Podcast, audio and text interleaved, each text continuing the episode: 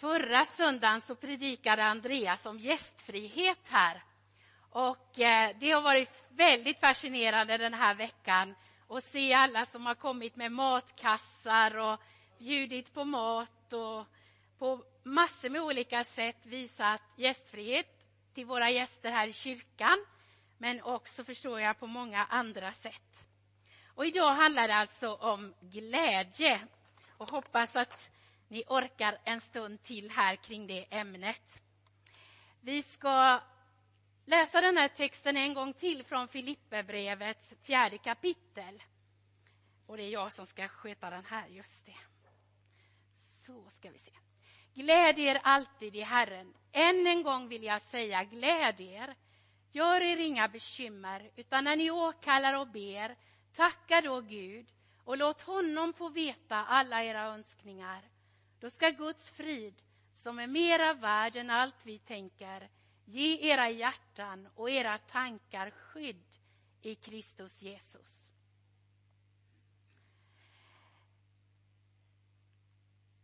Glädje är väl något som är eftersträvansvärt för de flesta människor. Att få vara glada är något som vi vill och vi försöker på olika sätt få tag i glädjen. Det kan ju finnas en del eh, kyrkliga kristna sammanhang där glädjen på något sätt blir som ett krav. Man ska vara glad om man är riktigt kristen. Det är inte det som är budskapet i den här gudstjänsten, att glädjen på något sätt är ett krav eller att om man inte är glad så är man inte lika bra kristen. Eh, men det som är längtan, bönen, är att också du som upplever livet tungt på något sätt i din mörka skog ska hitta något av en glänta, en öppning mot det ljus där glädjen bor. Men glädjen är inget krav, det är en gåva.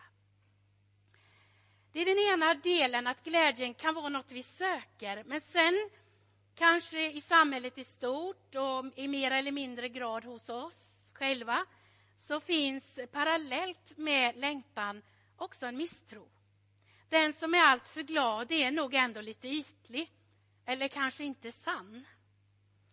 Vemodet ligger nära i den svenska folksjälen. Många folkvisor går i moll. Det vackra behöver på något sätt svärtan. Och vi lär oss, de små barnen har ju ofta väldigt nära till att glädja sig och dansa och sjunga och allt det där. Men vi lär oss när vi växer upp hållningar av distans, ifrågasättande, ironi och mycket av det här tror jag kan ställa sig i vägen för den där spontana glädjen i våra liv. Vi misstror den både i våra egna liv och i andras. Så den första frågan i predikan idag det är hur är ditt förhållningssätt till glädjen? Bibeln har mycket att säga om glädje. Det är tydligt att glädje och Gud hör ihop. Och jag har tagit bara och tittat på en del exempel i Saltaren, men man skulle ju kunna välja andra sammanhang i Bibeln också. Psalm 9 till exempel. Jag vill jubla av glädje över dig och lovsjunga ditt namn, du den högste. Oj då. Ursäkta mig. Den här hoppar lite. Så, ska försöka ta det lite lugnare. Du vände min dödsklagan i dans. Du tog av mig sorgens dräkt och klädde mig i glädje. Psalm 31. Jag vill jubla av glädje över din godhet. Du som såg mitt elände och tog dig an mig när jag led. Det liknar ju mycket av de vittnesbörd vi har hört här i gudstjänsten idag. Psalm 33. I Herren har våra hjärtan sin glädje. Vi förtröstar på hans heliga namn. Psalm 40. Alla som kommer till dig ska jubla av glädje över dig. De som längtar efter din hjälp ska alltid säga Herren är stor. Psalm 94. När mitt hjärta är fyllt av bekymmer gör din tröst mig glad. Och psalm 122. Jag blev glad när man sa till mig Kom, vi ska gå till Herrens tempel.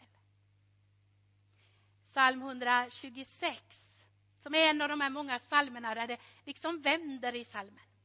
Vi skrattade, vi sjöng av glädje och jublet steg från våra läppar. Då sa man bland folken, Herren har gjort stora ting med den. När Gud kommer till vår jord, blir människa i Jesus, så är det som att glädjen svämmar över. Om man läser Lukas evangeliets första och andra kapitel så sjunger Maria en fantastisk lovsång. Änglarna sjunger för herdarna och säger Jag bär bud till er om en stor glädje, en glädje för hela folket. Evangelium betyder ju gott budskap, glädjebud. Bud om en stor glädje för hela folket. Guds närvaro ibland oss, Guds handlande i Jesus. Och så är Guds ankomst, mottagandet av Jesus, förknippat med glädje. Den Gud vi tror på är i sig fri att jubla och ge uttryck för glädje, men också en Gud som har sår, som vet vad smärta är, som gråter med oss när allting är gråt. En Gud som vinner seger över ondskan i det djupaste mörkret på en avrättningsplats. Som... Eh, Alltså, Guds glädje är inte avskärmande från det svåra. Utan det är hoppet som sjunger om en ny ordning som väntar. Och då är frågan, kan vi öva glädje? Predikningarna den här våren vill lyfta olika andliga övningar, livshållningar. Inte bara då som något som kan vara intressant för oss att veta om, utan som något att pröva, praktisera. Det är lite som om man får ett par gångstavar så är ju inte de tänkta att vara en prydnad i hemmet utan de är ju tänkta att man ska gå ut och promenera och använda dem och få liksom mera träning. Ehm, och då är det ju så att det är inte förrän man går ut, tar dem med sig, kanske lär sig lite hur man ska använda dem för att få bra effekt och inga belastningsskador. Det är först då som de gör en effekt i våra liv. Ehm, och det här med andliga övningar, det skriver då Anders Petter Sjödin om i den här boken som vi rekommenderar och som finns ute på bokbordet att köpa. Och han, han talar om andliga övningar lite som och jämför lite med träningspass på gymmet eller andlig friskvård och så, som leder till mer spänst och styrka. Så säger han så här, och det tycker jag är viktigt att ha med, att andliga övningar handlar om att bereda plats för Gud i våra liv. Att bereda plats för Gud i våra liv. Att liksom öppna för den förvandling i vårt liv som bara Gud kan åstadkomma. Men Gud tvingar sig inte på oss, utan det är så att säga i vårt öppenhet, vårt samarbete. Jag tänker att man kanske kan jämföra glädjen lite med att få en eh, växt. Det ligger nära till för mig, för jag gillar ju blommor. Ehm, och då är det ju så att man kan ge den där växten näring och vattna och den kan växa till. Eller man kan försumma den och man, den kan vissna och kanske till och med dö. Jag tror att glädjen är mer så än att eh, vara som en fågel som flyger och sen flyger sin väg och vi kan inte göra något åt det. Vi lever i en kultur som är präglad av eh, liksom känslostyrning. Det är samma som med kärleken. Vi tänker lätt att så länge vi känner varma känslor för någon så älskar vi. Och sen tar känslorna slut och då tar kärleken slut. Vi är glada så länge det är något som bubblar inom oss. Och sen när det är slut så tänker vi att vi är oärliga om vi på något sätt fortsätter när det känns som känslorna inte är med. Bibeln talar om att vi kallas till mera viljestyrda liv. Gud kan uppmana oss att älska, uppmana oss att vara glada. Därför att det handlar om vad vi vill. Vad är det som är loket? Och vad är det som är vagnar som följer med i våra liv? Det här kan vi behöva fundera över.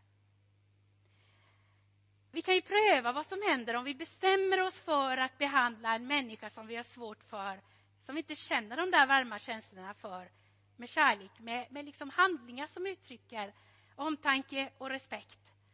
Eh, det kan visa sig att de varmare känslorna faktiskt följer i spåren av ett sådant handlingssätt. Och Det kan också vara så att om vi liksom på något sätt tänker och tar till oss sånt som vi faktiskt har anledning att vara glada över så kan också känslorna följa i spåren. Och då tänker jag att vi kan öva glädjen på ett mer allmänmänskligt plan.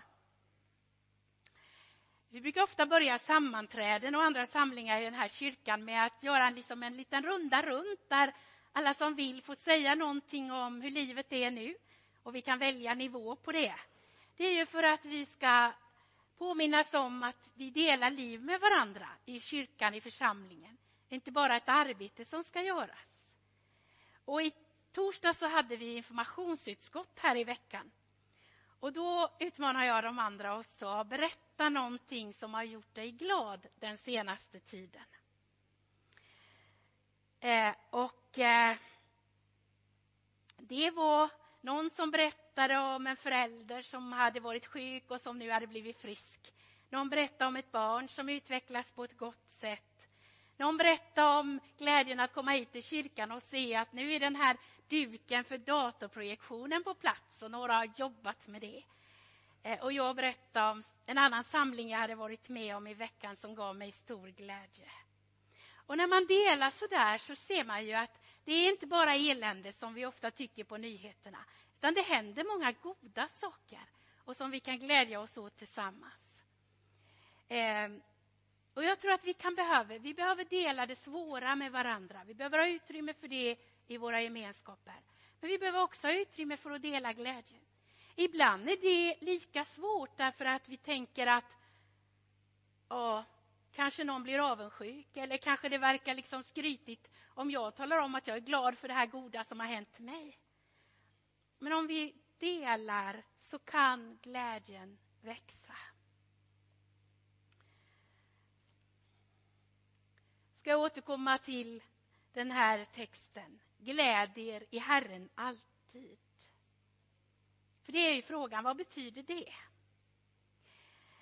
I Jesus Surprised by Joy eh, skrev C.S. Lewis en bok om sin väg till kristen tro. Till svenska översattes den Överfallen av glädje. Alltså överraskad, överrumplad av glädjen. Så uppfattade han det att bli en kristen. Och mångas erfarenhet är väl att glädjen på något sätt flyttar in tillsammans med Jesus. När Innan Jesus gör himmelsfärd så ber han till Fadern och bland annat så här i Johannes evangeliets 17 kapitel. Nu kommer jag till dig, men detta säger jag medan jag är i världen för att de, alltså hans lärjungar, hans vänner, även vi som idag vill följa honom, för att de ska få min glädje helt och fullt. Alltså Jesus ger hela sin glädje som liksom gåva vidare till oss. Och det är det det handlar om när det i Apostlagärningarnas andra kapitel talas om hur den heliga anden kommer. Så Guds närvaro, Jesu ande, som kommer och liksom förmedlar livet från Jesus, också hans glädje. Och så står det till exempel i det andra kapitlet om de som kommer till tro på Jesus. De höll samman, möttes varje dag troget i templet och i hemmen bröt de brödet och höll måltid med varandra i jublande uppriktig glädje. Och lite längre fram i Apostlagärningarna så står det att lärjungarna uppfylldes allt mer av glädje och helig ande. De möttes i uppriktig glädje.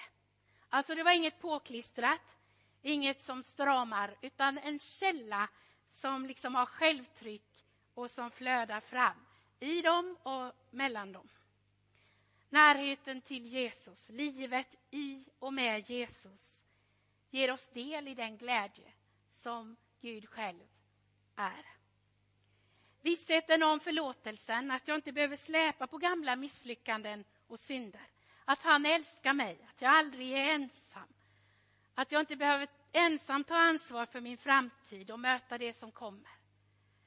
Det kan lösa från rädslor och bekymmer och frigöra glädje. Döden ska inte få sista ordet.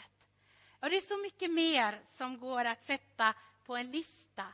Jag har gjort några utmaningar till den här söndagen och jag tänkte att vill du ta en liten lapp så finns det på ett bord där ute i foajén. Ta de här med dig. Du kan välja en av dem eller flera om du vill det. Och en av dem är, tänk igenom. Skriv ner vad som gläder dig av allt det som Jesus är och har gjort för dig och den här världen.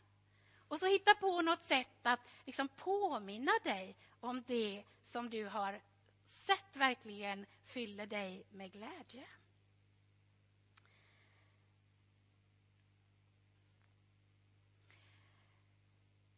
Att öva glädjen kan också vara att fira fest tillsammans.